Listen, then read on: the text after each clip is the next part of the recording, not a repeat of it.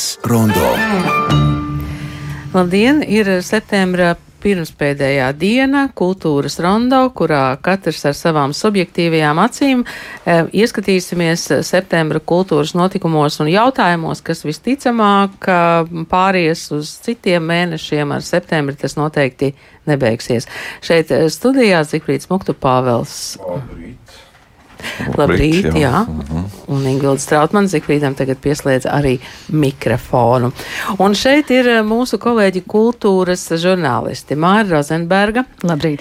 Liena Jakauļeva no Latvijas Radio 3 klasikas un arī kilograms kultūras žūrijas. Labrīt. Labdien. Un Jānis Lācis no Latvijas televīzijas. Paldies par uzaicinājumu. Nu, lūk, e, es domāju, ka es ātri sākumā pateikšu dažas lietas, jo droši vien, ka pēc tam man vairs nebūs laika par to runāt. Ja? Tāpēc es eh, domāju, ka man katrā gadījumā eh, šajā laikā ir svarīgi, ko mums visiem nozīmēs kultūras eh, ministra maiņa. Nacionāla apvienība bijusi pie kultūras vadības stūres 12 gadus, tagad to nomaina progresīvie Ragnesi Loginu un lielā iztaujāšana priekšā krustpunktā 19. oktobrī. Algu jautājums Latvijas profesionālajiem mūziķiem, mediju jautājums es pat šeit neskaršu, Raiņu un Aspazīs muzeja apdraudējums Kastaņolā Šveicē un, protams, turbulence Latvijas teātros, mm, kas aktualizē arī jautājumus par labu pārvaldību un labu komunikāciju. Un saprotams, ka šajā mēnesī satiekoties ir jautājums, vai tu redzēji spēlēt dancojumu, vai tu redzēji Leopoldu štati. Nu, tad mēs varam tagad sākt ar to, ka ir notikusi kultūras ministra maiņa. Mūsu istabā par to diezgan daudz runā. Mēs mēģinām saprast, eh, ko jaunā kultūras ministra varētu izdarīt, nevarētu izdarīt, gribētu izdarīt, negribētu izdarīt. Eh, bet Jānis Lācis mums teica, ka viņš ar kultūras ministru ir runājis, līdz ar to Jāni vārds tev. Un turklāt es esmu runājis ar viņu arī par vēl vienu tēmu, ko tu minēji. Tas ir par mūziķu algu problēmu kas ir, um, nu, ir sasāpē. Ar vienu sakot, es domāju, ka tas ir ļoti pozitīvi, ka ministri nav no šīm mūsu klasiskajām partijām, kāda ir NA vai, vai gribēja arī ZZS. Ja, tā ir tomēr uh, jauna, um, diezgan, uh, es gribētu teikt, uh, avantūristiska kaut kur apvienība, no kuras nāk tātad mūsu kultūras ministra. Un varbūt tas ir pat labi. Vismaz tie cilvēki, kultūras autoritātes, es viņus saukšu, ar kuriem man sanāca runāt par šo tēmu. Viņi arī maskējot to zem tādu formulējumu, ka nu redzēsim, kā tad būs. Neviens neko nezina, ceram uz vislabāko, bet tomēr kaut kur redz, ka tas varbūt eh, ir variants, kā atrisināt ļoti daudz sasāpējušas lietas. Kas attiecas par pašu Agnēsu Loginu, nu, viņi ir, kā mēs zinām, uh, uh, nav sveša kultūra vidē, viņi bija ļoti ilgu laiku saistīti ar kino. Kino muzeja vadītāja. Jā, un arī Fotografi. pirms tam Kino, kino muzeja vadītāja, jā, viņi nomainīja tādu Zanu Balčus. Un, uh, Uh, viņi arī pirms tam bija ļoti daudz saistīti ar kino, dažādos amatos un festivāliem un tam līdzīgi. Un mēs arī tikāmies, bija dažas reizes pirms tam, ar viņu bijām tikušies. Kā, e, ko es varu pateikt? Tas ir cilvēks ar, ar uh, ļoti um, daudz, es domāju, um, ambīcijām, ļoti pozitīvā veidā. Un, uh, un ļoti daudz enerģijas. Un tas man arī dod cerību, ka kaut kādas lietas varbūt tiks risinātas. Jautājums ir par to, vai uh, Agnēs Logina šobrīd pati apzinās, kur viņa ir nokļuvusi, jo kultūra vide ir ārkārtīgi smagā stāvoklī. Algas, šis jautājums, un tās nav tikai mūziķa algas, tas ir vispār kultūra vidē algas, gan nezinu, muzeja cilvēkiem un tam līdzīgi. Uh, mēdīju atkal šie krievalodīgie mēdīji, tas viņai kritīs viss virsū, tagad arī uz galvas. Un tā tālāk, un tā tālāk. To viņi pat arī atzīst. Viņi saka, es esmu, piedodiet, es esmu tikai šeit, amatā tagad nu, nedēļu, šobrīd jau divas nedēļas. Viņi pat to saka, man vēl vajag ieiet iekšā tēmā.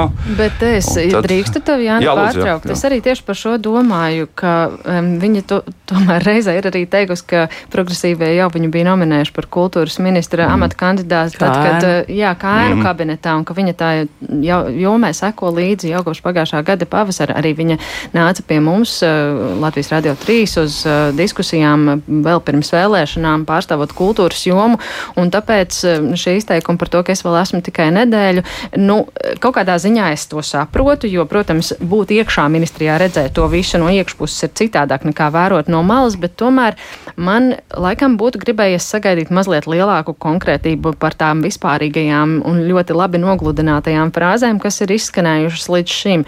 Un tieši tāpēc man šķiet, ka nu, man būs interesanti noteikti vērot. Uh, cik politiski ietekmīga viņa būs, jo es ļoti lielā mērā piekrītu. Man šķiet, uh, filozofs Artis Svets bija tas, kurš Satorī rakstīja vispār par kultūras ministra izvēles procesu, ka uh, viņa prāt tas uh, nav tik būtiski, lai šis ir kultūras nozarē tur ārkārtīgi mīlēts cilvēks, cik lai tas būtu labs menedžers un, un politiski ietekmīgs cilvēks. Es piekrītu, ka tur ir divas puses, jo, protams, ka tu nevari būt uz, uz nažiem ar kultūras nozari. Tev ir vajadzīgs viņu atbalsts, bet nu, man šķiet, ka tas, tas būs ļoti svarīgs jautājums, kā viņi spēs šīs savas idejas cerams, ka tās drīz mēs iegūs jau konkrētākas aprises realizēt. Un, un otrs arī man liekas interesanti, nu, vai viņi, teiksim, būs spējīgi konfrontēt kultūras nozari, ja tas būs vajadzīgs, vai arī turpināsies šī nu, kultūras ministrs nozares arotbiedrības vadītājs kā daļa nozares. Jā, man pat redz... pēc viņas izteikumiem publiskajā telpā bija tāda sajūta, ka viņai Eh, pat veselīgāk būtu bijis eh, teikt, piedodiet, es esmu amatā vienu dienu vai vienu nedēļu,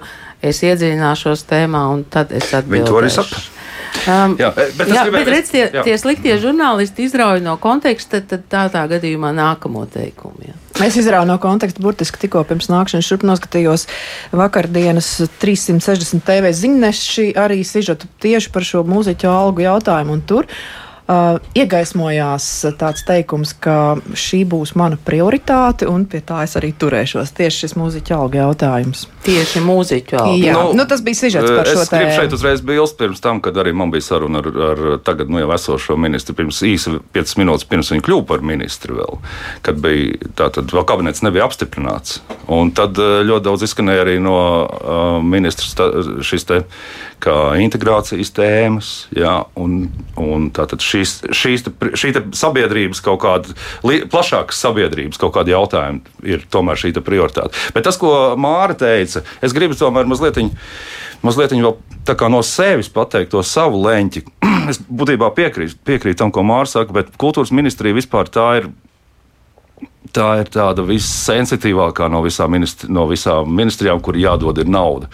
Tur ir faktiski tas ir organisms bez ādas, tur ir vien pliki nervi, mm. tur, ir, tur ir tie visi cilvēki, viņi, viņi ir viegli ievainojami. Tā nav piedošana aizsardzības ministrija, ja, vai, nezinu, vai labklājības ministrija, ja, kur darbojās kaut kāda struktūra. Un, un šeit ir ļoti viegli apdedzināties no šajā visā vidē. Un apdedzināt.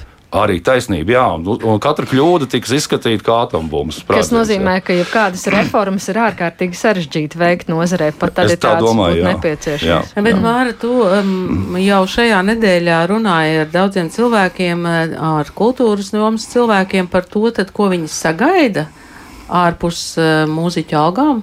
Jā, mums uh, pirmdien Latvijas Rādio 3 ēterā skanēs uh, raidījums Meistars Knekts, kas skan vienu reizi mēnesī un ir atgriezies pēc mm, vasaras brīvlaika. Un arī mēs bijām nolēmuši nu, tādā varbūt filozofiskākā līmenī parunāt par to, ko mēs sagaidām vispār no kultūra politikas un kas mums pietrūkst un ko šī ministru un arī nu, politisko partiju maiņa varētu nozīmēt eh, kultūra politikā Latvijā. Un eh, mums bija ļoti interesants sarunu biedru lokus šajā reizē, veseli pieci. Un, uh, tas bija jau manis pieminētais filozofs Artis Svece, kuram bija diezgan nu, strikts viedoklis, kas atšķīrās varbūt no nozares uh, vairuma, kura rakstīja vēstules pret kūtri uh, par vispār ministra izvēles procesu. Tā bija arī Lipkas memoriāla direktora Lolita Thompsona, grāmatu redaktors Vents Zvaigzne, režisora Māri Čimele un viens no Eiropas kultūras galvaspilsētas pieteikuma Daugaupilī komandas, varbūt mazāk zināms vārds, bet, manuprāt, ļoti interesants interesants uh, sarunu biedrs ar svarīgām domām Jorens Dobkevičs no Daugavpils. Un uh, šeit es varētu arī atskaņot nelielu fragmentu no tā, no dažām domām, kuras izteica visas pieci mūsu sarunu biedri Knehtā. Skaidrs, ka ministrija jau nav tikai tāds politisks veidojums, tur ir ļoti daudz administratīvu lietu, kas ir jārisina. Tā ka tas varētu būt interesanti, un, un arī tie pēdējie trīs ministri jau bija diezgan atšķirīgi pēc sava rakstura un ievirzes, nevienmēr varbūt tādi ideoloģizēti. Tā kā redzēsim. Domāju, ka tā prioritāte noteikti mainīsies uz laikmatīgās mākslas muzeju, uz kino varbūt nozari. Vienkārši domājot par cilvēkiem, kas, kas ir tēmā. Tieši tāpat kā Puntuļkungs Nacionālā apvienībā uzreiz sāk risināt koncertu zāles jautājumu. Nu, tas taču, tas taču arī skaidrs. Aizmirst izstāžu zāli labi, bet, bet un ir cerība, ka tas kongresa nams paturs vismaz akustiskajā koncertu zālē. Nu, kad, kad būs kaut kāda pēcība, lai kurai partijai tā kultūras ministrija tagad būtu iekritusi. Bet es tikai piebildīšu, ka Renu, tur jau tā lieta, ka viens ir kaut kādi sapņi, ko tu ar, vai teiksim, idejas, ar ko tu nāc, un otrs ir tā realitāte. Un tam, ka ir tā realitāte, tam ir, protams, arī plusi, jo tu vari nākt ar kaut kādu grandiozu ideoloģisku plānu, bet tad tev priekšā nostājās uh, nabadzīgie kultūras darbinieki un saka, ja mums nav pensiju, vai ne, un tev jārisina pensiju jautājums. Par nu, pašreizēju situāciju es teiktu, ka šobrīd ir ļoti, ļoti liela neskaidrība. Ir tādas valdības, kas nāk klajā jau ar diezgan skaidru deklarāciju un izvirzījumu, jā, nu, ka vienus apmierina, citus neapmierina, bet visiem ir skaidrs, ka mums laikam nu, nekas īsti nebūs, jā, bet uh, atkal šie ir pilnīgi skaidrs, ka viņus mīlēs un atbalstīs. Nu, un savukārt pašreizējās gan valdības deklarācijā, gan arī intervijas dažas, ko es paklausījos ar jauno kultūras ministri, drīzāk tomēr rada iespēju, ka viņi nav ilgstoši gatavojusies ja, šim, kaut arī viņai ir visa sagatavotība un tā, bet tieši, ka viņa tagad nonāks ministra postenī, neiz, neizklausās, ka viņa būtu ļoti ilgstoši un rūpīgi nu, domājusi kādā veidā. Nu, kultūra bija tieši tik svarīga, ka mēs gandrīz dabūjām vienkārši tā kūtri pa kultūras ministru, tad vēl kādu. Tieši, man liekas, tāpēc visi bija tik briesmīgi sacepušies, ka Izrādās, tā, ja Nacionāla apvienība cīnījās, to nu, es tā pieņemu par kultūras, lai kultūras ministrija būtu viņiem, un, un tomēr tas ir, tā, tas ir svarīgs kaut kas. Tad šeit izrādās, viņi vienkārši mētāja apkārt, nu, kuram, kuram mēs nu, tādu. Tas bija tas, par to Manuprāt, līdz šim neviens arī Nacionāla apvienība tā īsti negribēja to kultūras ministriju. Vienkārši Nacionālajai ap apvienībai atmet parasti to kā nesvarīgāko ministriju. Tiešām, tiešām. Gribu runāt par, par Latgali, par Daugopili. Nu, tur tā pa tiem 10, 12 gadiem nu, situācija ir ļoti švaka vīzijas, ilgtermiņa stratēģijas uz to integrāciju, koheiziju, eh, dialoga veidošanu, kaut kādas eh, caur tam laikmetīgām formām vai caur tradicionālām formām. Eh, izmantot to kultūru kā katalizatoru tam pārmaiņām un tām sarežģītām diskusijām. Viņa netika izmantota, Jā, tur notiek fragments no diskusijas. Šeit studijā turpinās diskusija. Šeit studijā Māra Rozenberga, Liena Jakoļa, Jānis Lācis un uh, Zifrīds Moktu Pāvels. Tātad uh, meistars Knehts pirmdien. Pirmdien sešos vakarā Latvijas Rādio 3. Klasika. Bet mēs te esam jau mazliet uh, sacepušies par tām mūziķu algām. Zifrīd, tev nav nekas, ko teikt par mūziķu algām? Man ir ļoti daudz ko teikt. Un, Tad un saki. Nē, mums bija saruna arī studijā šeit ar Liepājas orķestra vadību. Man uh, direktors Ulris Lipskis uh, apskaidroja to situāciju no viņa pozīcijām, bet, protams, ka ne jau tikai Liepā ir vienīgā um, problemātiskā vieta, un šeit nav vienīgā problēma, ko jau mēs aizkadrā runājām Lietuva, Igaunija. Tur ir vēl dažas nianses, kas saistās varbūt ar tālākiem pasaules nostūriem un mūsu likumdošanu, jo naudu nedrīkst maksāt mazāku, kā nosaka likums. Bet, protams, ka skumjākā aina ir tajā visā, ka mūsu pašu izcilās izglītības eh, iegūšie muzeķi meklē darbu ārpusē, un tādi ir bezgalīgi daudz. Jāsaka, Cita arī izglītība jāsaka, jau, jau ļoti ilgstošu periodu mēs redzam, ka ar lielu sajūsmu mēs varam uztvert, ka ik viens dārziņš pabeidzot vai mediņš pabeidzot, vai jebkuru skolu atrod mācību, augstākās mācību iestādes Eiropā. Un paliek arī Eiropā labi apmaksātos amatos. Bet mm, nu jā, nu mūsu situācija tiks diskutēta daudz, un es saprotu, ka Jānim ir arī priekšstats par to, kāda ir. Nu, tā ir tā, ka es te vienīgais runāju. Bet, Nē, nu, arī, arī Liena un Māra te ir teikušas vairākas lietas. Tas mans jautājums bija, kāpēc tieši šobrīd tas notika? Vai tiešām tas ir tikai um, maiņa ministrijā un, un budžeta veidošana, vai tomēr tur ir kaut kāda nobriedusi tā, tā situācija. Ne, nu, viņi jau briest un ir teiksim, tādas instrumentu grupas, kur mūziķi trūkst jau izsenis, bet šobrīd ir vairāk instrumentu, kur, cik man zināms, mūzikas akadēmijā ir burtiski viens students konkrētam instrumentam. Tas nozīmē, ka tiem meistariem, kur šobrīd spēlē, vienkārši nav pēctecības. Un, un tad ir jārīko šie starptautiskie konkursi, kas, kā zināms, varbūt nav sevišķi vilinošs kārumiņš cilvēkiem uzzinot atkal algas, un tas ir tāds aburtais, aburtais aplis, un, protams, arī tas moments, ka nu, nav neviena mūziķa, neviena orķestrī, kurš spēlē vienā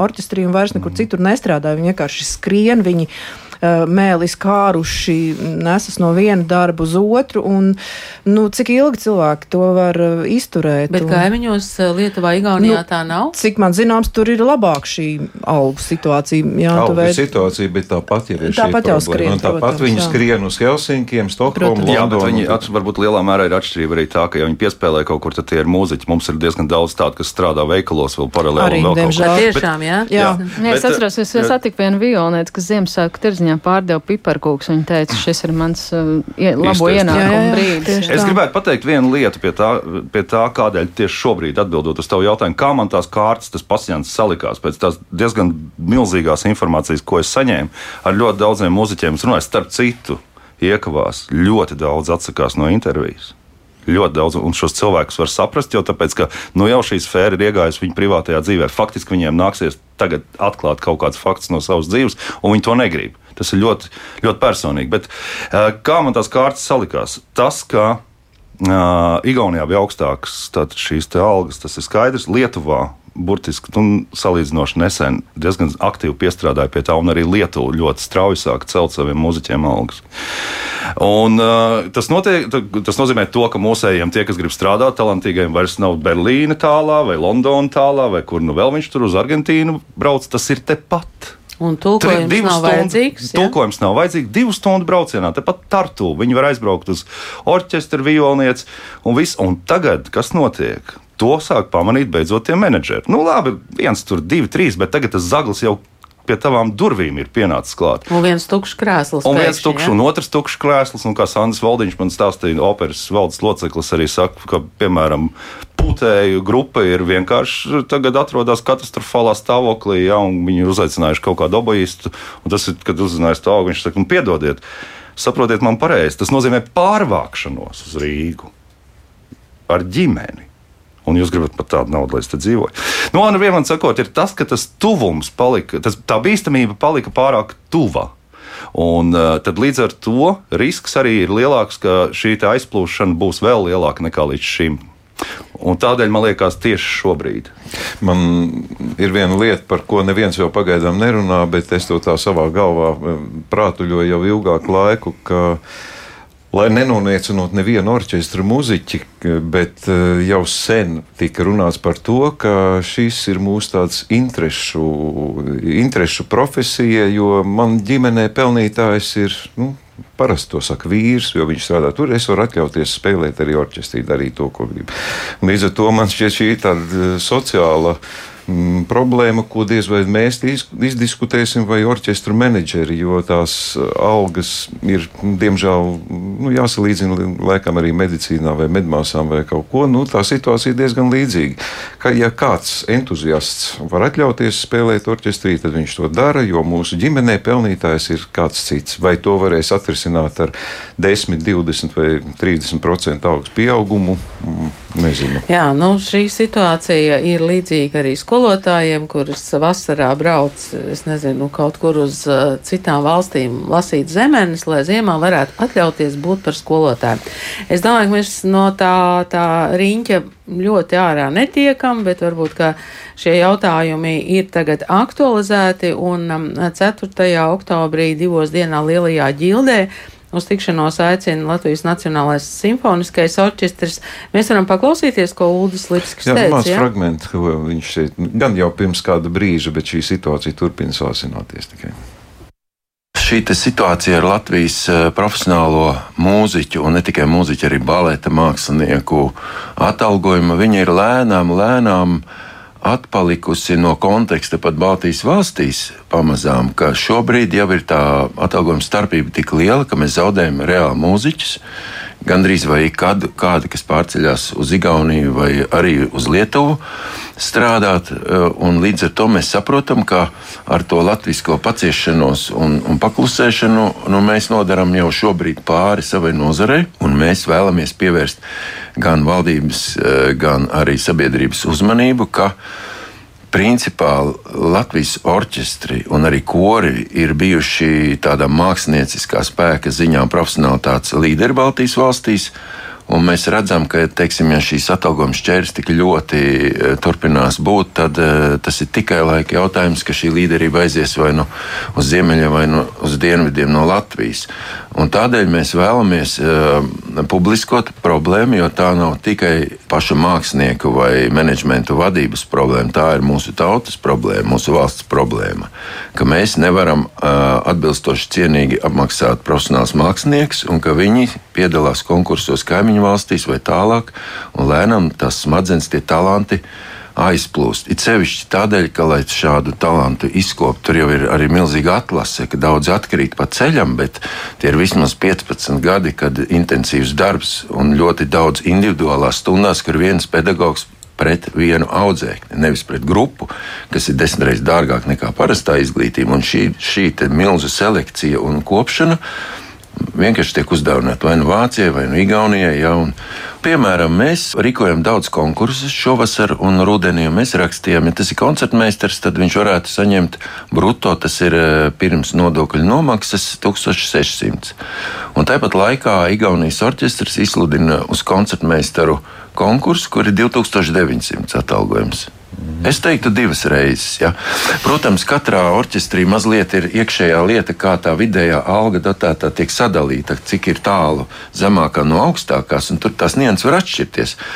Vai arī kolēģiālas ziņas profesionāļi vēstīja par eh, Lietuvas vienu no vadošiem orķestriem, ka tur, teiksim, ir 1800 uz rokas. Mums pat tas papīra nav tik daudz. Līdz ar to nu, mēs neblefojam. Mēs tiešām saskatām draudus mūsu nozarei nākotnē un izpildām savu pienākumu par to ziņot. Es domāju, ka ir tiešām pēdējais brīdis sākt straujiem soļiem labot situāciju un izlīdzināt vismaz Baltijas valstīm šo mākslinieku atalgojumu.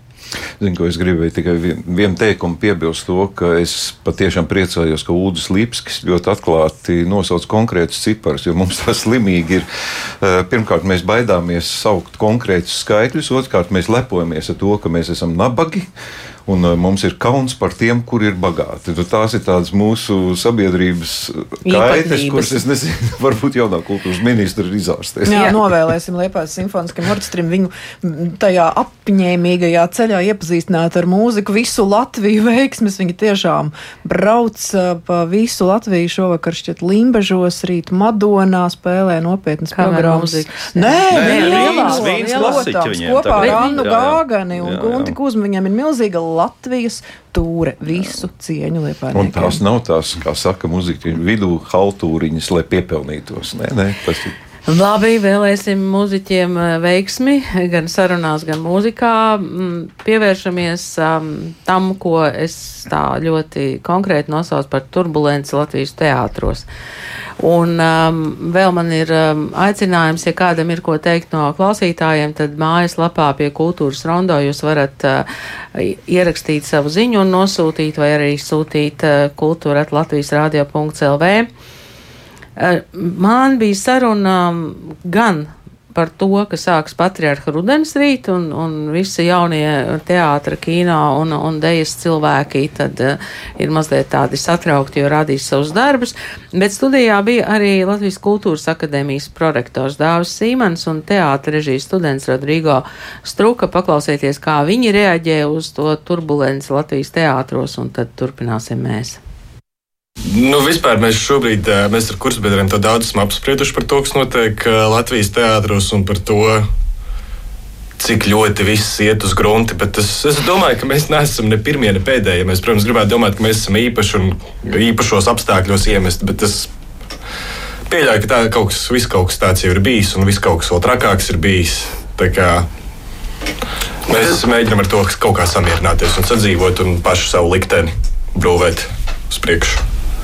Bet es domāju, ka kaut kādā ziņā nu, viss šī, vis šī nu, tāda, pat, patiešām tāda, tāds virmojums ap, ap teātra nozari pēdējo mēnešu laikā, tas parāda vienu lietu, ka, manuprāt, šī nozara kaut kādā ziņā ir kaut kur iepalikusi vai stagnējusi kaut kādu laiku, uh, un varbūt arī kaut kādā nu, sava veida krīzē atradusies.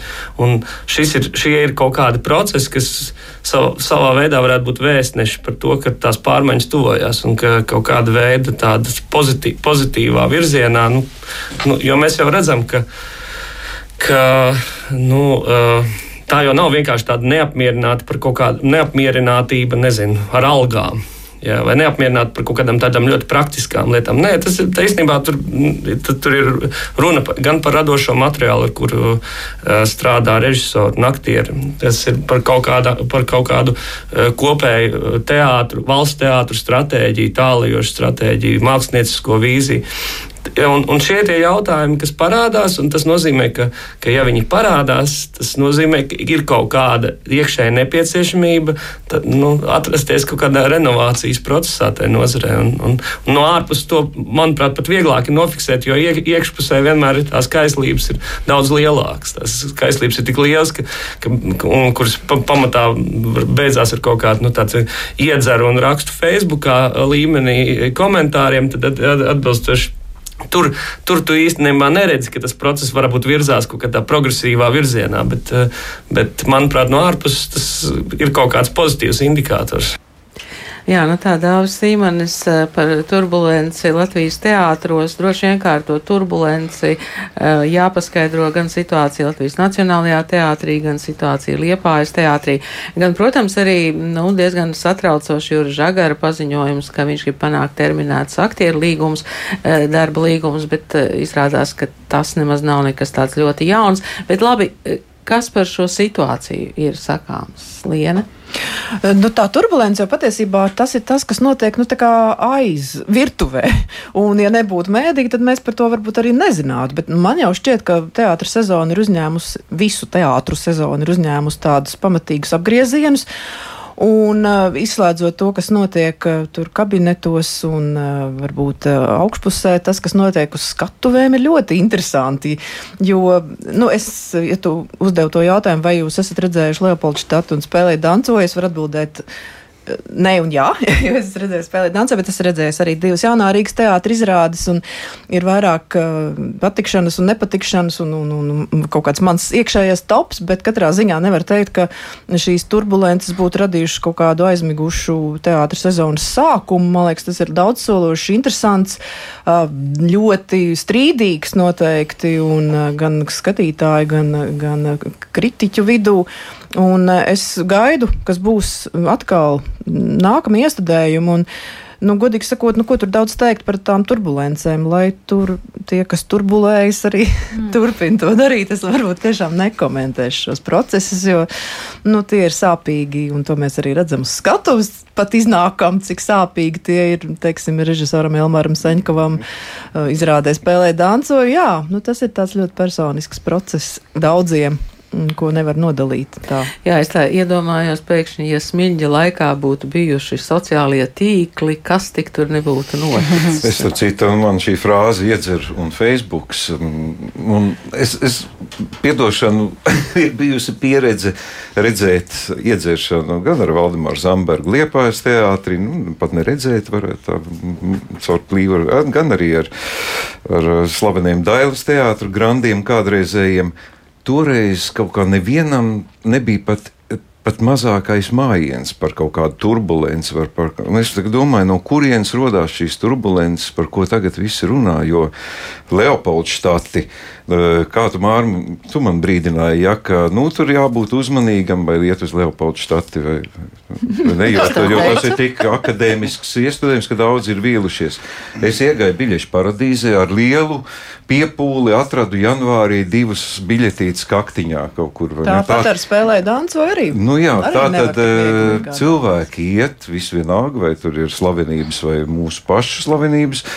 Teātris zāles, cik es spēju no, hm. novērot, ir tomēr pilnas. No jaunā Rīgas teātra par uh, turbulenci periodiski tikai šad tad teātris notiek, cilvēki raud, smējās, iet, apmeklē.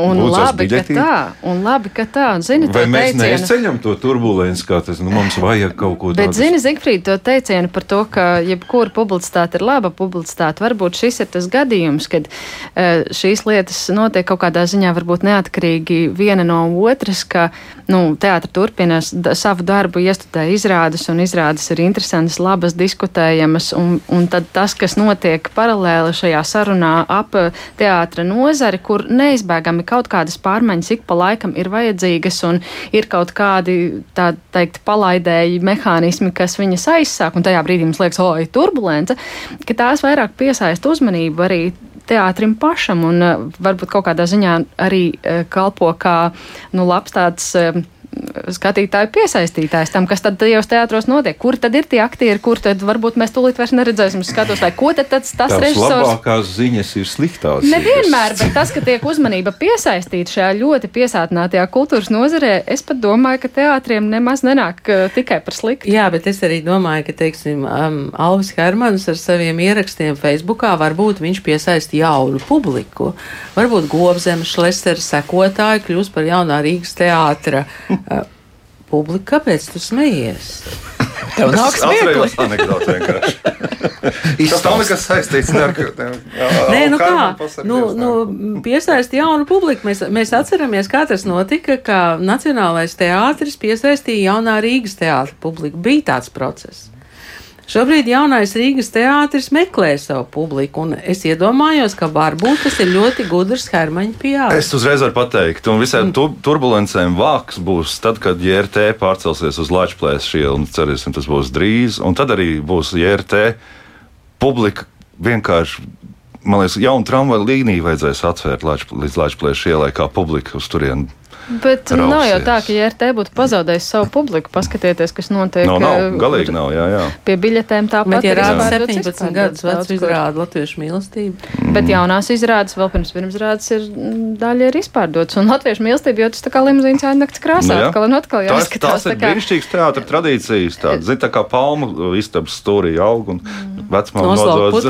Jā, nodod no paudzes. Bet es domāju, ka tas, kas notiek, ko tu jautāji iepriekš par to, te, to turbulenci, patiesībā ir ļoti svarīgi procesi un, un labi, ka e, man, man šķiet, e, nu, labi, ka ir tādi ļoti uh, atklāti runāt gatavi vadītāji, kur ir gatavi nākt ar arī ar nepopulārām idejām. Un dumpinieciski aktieri jā, arī pavisam. Un dumpinieciski aktieri un mākslinieckie vadītāji, kur paceļ caur savu mākslu un ne tikai arī jautājumu par uh, mākslinieka un birokrātijas un ierēģņu attiecībām, kas arī ir ļoti svarīgi, jo bieži vien ir sajūta, ka tur tās divas dažādas pasaules, bet patiesībā te mēs ļoti labi redzam, kur notiek tie absolūti tādi nu, ideoloģiskie sadurs punkti, ja, ka nav iespējams to ūdeni un eļļu sajaukt kopā. Nu, kā mums būtu vajadzīga kultūra, par kuru nebūtu ko teikt, par kuru nebūtu ko runāt? Nu, Zin, kāpēc viss šīs problēmas lielā mērā mūsu radio kolēģis Raimons Pauls kādreiz teica tādu ļoti skaistu frāzi ja, par anekdotēm.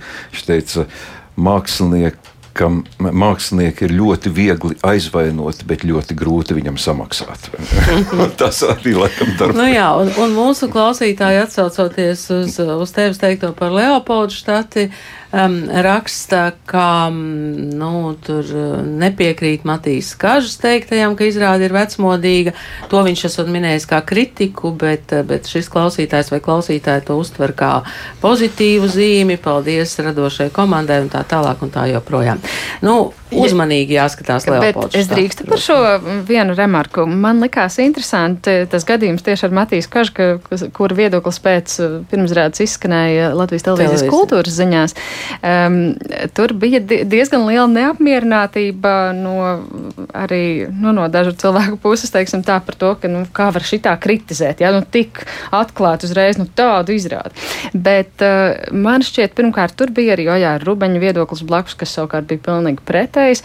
Un uh, man ļoti patīk tas, ka medijos parādās šāda mm, viedokļu daudzveidība, jo nu, tas ir tas, kā tam vajadzētu būt, ka mēs nevis visi atklā sajūsmā metamies uz kaut ko tikai tāpēc, ka tur ir lieli vārdi, bet ka nu, mums, mēs arī atļaujamies, ja mums liekas, ka nu, mums nepatika, tad atļaujamies arī tā pateikt. Mm -hmm. par Leopoldu štatu bija ārkārtīgi daudz tādu arī sajūsminātu komentāru, protams, bet jā. Eh, tā ir arī forša iespēja padiskutēt par to, nu, par režiju teātrī, vai, vai tas, ko daži uzskata par senīlu vai uh, naftalīnisku teātri, varbūt ir gluži otrādi jau tagad avangards, ja, un ka tas speciāli tā ir domāts. Un, un ja mēs par to varam runāt, nevis tikai visi komplementāri mātra galva, tas ir nu, jā, tas ir žurnālists sapnis iegūt polāru. Jā, viedoklis. bet neizliksimies, ka mēs nepazīstam nevienu kultūras ziņu veidotāju, sižeta veidotāju, un tad mēs varam atklāt, ka Jānis nesarksti. Uh, jā, bet Jānis nebija šī sižeta veidotājs, bet tā bija kolēģi arī mūsu radio trīs klasika kolēģi Aneta Ašmana Vilsona, kur teica, ka bija ļoti, ļoti grūti iegūt kādus viedokļus pēc pirmizrādes. Tieši tāpat kā Jānis teica, ka mūziķi nelabprāt runā,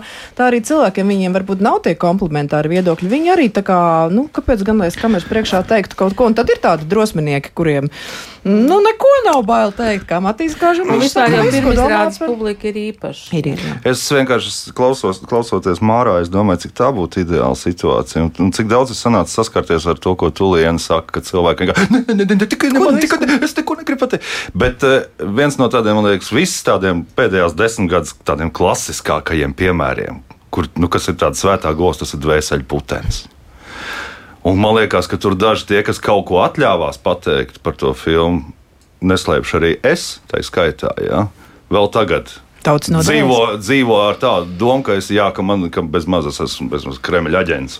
Nu, pēc un, tam, kad es intervēju Stanislavu Tokolovu, un, un man liekas, ka viņam ir vienkārši fantastiska dokumentālā filma. Man te komentāros lika cietumā. Jā, tā kā jā, jā ir bijuši dažādi. Emīls Dārziņš arī bija tāds kritiķis.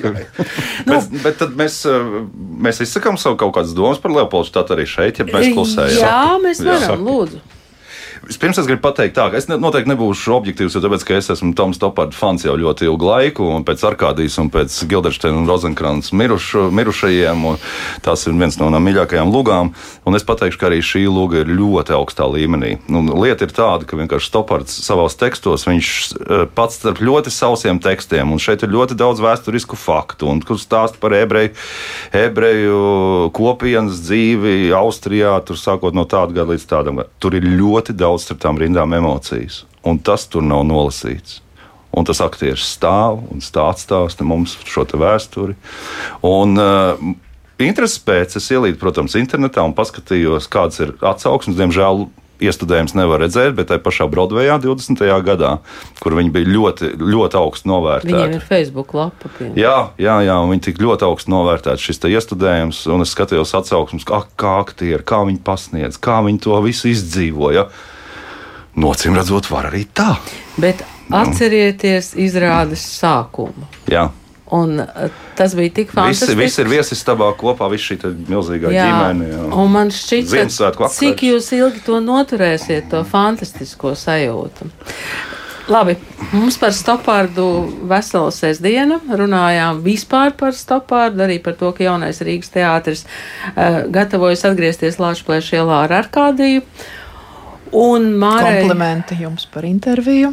Es gribēju teikt, ja prasa par kultūras notikumiem, tad man viens no satriecošākajiem bija tas, ka Māra dabūja Jā. interviju un pati bija pilnīgi staroja.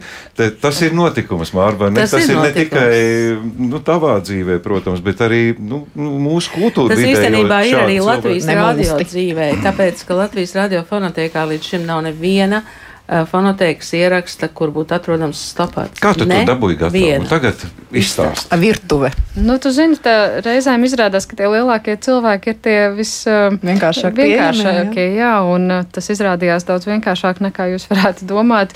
Šis um, angļu dramaturgs Sērs Toms Stopards, kur daudz sauc par dzīvo klasiķu un uh, nākamo aiz Šekspīra, um, izrādījās, ka viņa aģentē var uzrakstīt e-pastu, viņa atbild tajā pašā dienā un saka, jā, Toms labprāt nākamnedēļ satiksies. Viņam ir 86 gadi, un šī bija reize, kad viņš vairs nolēma nebraukt uz pirmizrādi pats klātienē, ko viņš parasti mēdz darīt, viņš bija arī uz Leopoldas pirmizrādēm, gan, protams, Londonā, gan arī Ņujorkā, bet uh, viņš teica, ka viņam būtu ļoti gribējies šeit būt, bet, uh, diemžēl, Ceļošana viņam ir kļuvusi par grūtu, bet uh, viņš bija ārkārtīgi priecīgs. Kāds ir iedomājies viņam pajautāt un par viņu pārunāt? Jā, viņš saka, tā vismaz es varu pat daļai atmaksāt par to, ka es neesmu bijis, jo Džons, un viņa ir Malkovičs, ir seni draugi. Džons man atsūtīja ziņu piekdienu par pirmizrādi, un es domāju, ah, ka man būtu vajadzējis aizbraukt, bet nu, te nu mēs esam. Un mēs sēdējām katrs tajā savā datora pusē, un es eh, redzu, kā viņš izsmēķē jau kuro cigareti pēc kārtas. Tieši tāds cigaretes, tas arī ir jau leģendārs. Atsevišķs leģendārs stāsts, un ka viņš ir eh, ļoti vienkāršs un ārkārtīgi atsaucīgs cilvēks. Un eh, runājot par to tām aktieru emocijām, mums arī bija viens eh, tāds foršs sarunas fragments, kas man ļoti paliek prātā, tāpēc, ka es pirms tam biju arī noklausījusies vairākas agrākas stopardu intervijas, un bija viena intervija, kurā viņš bija teicis, ka vispār viņam nepatīk, ja aktieri eh, pārcenšas ar viņa rakstīto frāžu interpretāciju, jo uh, viņam liekas, ka, ja viņš jau ir uzrakstījis sarkastiski, tad nevajag aktierim vēl arī sarkastiskā tonī to mēģināt pateikt, jo tad tas būs stipri pārspīlēti. Uh, bet tagad mūsu sarunā viņš pateica kaut ko mazliet citu, un es gribētu jums to atskaņot. I really only have one demand of actors Man ir tikai viena prasība aktieriem - skaidra dikcija. Varbūt kādam tā liekas pārmērīgi iegriba, bet tā tas nav. Ir viegli aizmirst. Ja publika skaidri nesaprot katru zilbi, tad mēs visi lieki tērējam savu laiku. Nogādāt tekstu no skatuves līdz publikai - tā ir pamatlieta, kas jāizdara perfekti. Attiecībā uz interpretāciju esmu daudz mazāk prasīgs nekā jaunībā. Es nebiju gluži kontrolfrīks, bet nu, klusībā biju gan. Mans viedoklis rakstot lugas bija tāds: Luga tavā galvā rada konkrētu skaņu, konkrētas intonācijas. Un man savā neapjēgsmē likās, ka aktieru darbs ir vienkārši reproducēt šo skaņu, bet tā tas nav. Aktierim ir jāspēj atrast frāzes psiholoģisko interpretāciju, ejot pašam savu ceļu. Ja paveicas, vairumā gadījumu aktieru izvēle sakrīt ar autora redzējumu. Bet plašāk runājot, lai gan reizēm esmu vīlies, biežāk es skatos izrādi un domāju, tas gan ir interesanti. Šī interpretācija man patīk labāk par to, ko biju iedomājies savā galvā. That's better than what I had in mind, just occasionally. Tālāk, Toms Stopards. Sērs Toms Stopards. Sērs Toms Stopards. Jā, un uh, jau daudzkārt pieminētā izrāda spēlēja dancoju. Tu lien redzēji, jā? Jā, es redzēju to preses izrādi. Pirms tam arī man bija tāda, nu, jau man mēdījiem bija tikšanās ar radošo grupu nelielu, jo es tā kā negribēju ļoti daudz ievākt to fonu, bet nelielu tātad guvu, un pēc tam arī man bija radio klasikā saruna ar Elmāru Seņkovu, un es guvu ļoti daudz atziņu, un aizvien, jāsaka, godīgi, ir pagājis laiks, kopš pirmizrādes man it, ik pa laikam kaut kādas atziņas uzpelda, kaut kā saslēdzās un atslēdzās, un kāds ir redzējis, un kādam atkal ir kaut kas to, ko teikt, un man ir ko piebilst, un kāds kaut ko ir saredzējis, varbūt pat tas to, kas tur nav bijis ieprogrammēts. Nu, es uzskatu šo izrādi par notikumu Latvijas teātrī. Bet dzīvē. tur arī ir polāri viedokļi. Nu, absolūti polāri. Nu, viedokļi zālē, kuras sēdēju, bija tādi, kas smējās gandrīz zem krēsla krizdami, un atkal man tieši kaut kā blakus sēdēja tādi cilvēki, kuriem nebija nekādas reakcijas, vai arī tāda nu, momentā nenolasāma reakcija. Ļoti, ļoti galēji viedokļi. Jā, tur ir redzējis. Jā, jā. jā, mēs kā reizē ar, kopā, jā. ar Lienu tieši to pašu jā, Marku redzējām, kā tas tika izspēlēts. Es vispār uzskatu tā, ka ir, tas ir ļoti labi, ka mums nav daudz labu režisoru. Vajadzētu būt kādiem trī, trīs, četriem labiem režisoriem, un tad iet uz visu. Un Senkovs ir viens no tiem, ka jāredz ir viss. Es to atklāju pēc grimiem kas es uzskatu vispār ir no pēdējo laiku viena no, vien no kaut kādiem fenomeniem Latvijas te, teātrī. Un šis te cilvēks tagad uztais šo. Man, un, ja patīk, nepatīk, es uzreiz varu teikt, man patīk. bet man patika arī backgrounds. Zinot to, ka šie cilvēki iet projām. Tur ir gan, gan Edgars Mākens, gan Elīna Gediņa, gan, protams, Rēns Suhānovs. Jā, tie, un tagad tas ir tāds tāda, jā, jā, un tikpat daudz cilvēku ir tie, pamāja, kas ne? tev teiks, jā. ka tas ir pārāk personiski. Jā, bet, darīt. bet, eh, bet tā kā tu jau pieminēji Senko Grimus, es, es gribu visiem atgādināt, ka ir tāda iespēja trīs vakars pēc kārtas liepājas mhm, teātrī mm -hmm, visu triloģiju, visu triloģiju redzēt, tātad Šekspīru, Grimus mm. un, un Grieķus. Bet, nu, atšķirībā no jums, es laikam redzēju citu izrādi. Un um, pirmizrādes rītā Elmārs Senkovs bija ar mieru nākt šeit uz studiju, un viņš bija kopā ar dramaturgu Justīnu Kļāvu un aktieru Egonu Dombrovski. Nu, paklausieties vienu nelielu fragmentu no viņiem. Tas būtiskākais jautājums viens ir par to, un otrs ir, kamēr mēs nonācām līdz saprašanai, kas ir tie vēlni. Uh, tas vairāk bija tāds diskusiju process par to, kas ir tas, kas mūs kaitina mūsdienu sabiedrībā, un kas ir tas, par ko mēs esam dusmīgi. Un tad, uh, tiklīdz tas apmēram bija, bija skaidrs, nu, tīri tas uh, konceptuālais uh, satvers, tad sāku rakstīt, jā, un tad uzrakstīju um, vasarā, vasarā uzrakstīju tekstu. Kas ir treigāls? Es izdomāju priekš sevis, kas ir treigāls, jo man eh, Burkovska Indra teica, ka, mm, ka vienu galvu viņa zina, otru galvu zina, bet trešo gan nezinu. Un es vakar domāju, domāju, es izdomāju, treigāls absolūtā vara, bez ierunu. Ja? Un viņam ir debesis, zeme, elle, trīs galvas. Un viņš saka, es jau vecs, miera gribu nesu trejas mūžībēls. Ja? Tad, tad es esmu visur. Joprojām. Jā, un es būšu visur. Nāc no, nāc meitos, uz kāzu dēļ, oļķi. Sākumā brūtē jādod balvu. Ko? Ko? Tā, tā, tā, alkatīva, es nu cīs plātā vēl no gana. Dod tās trejas asins lāsas. Nē, nē, nē. Nu tad kāds nebūs. Vai tad nav? Kā? Nebūs kāds. Nebūs. Kas? Velni. Arī.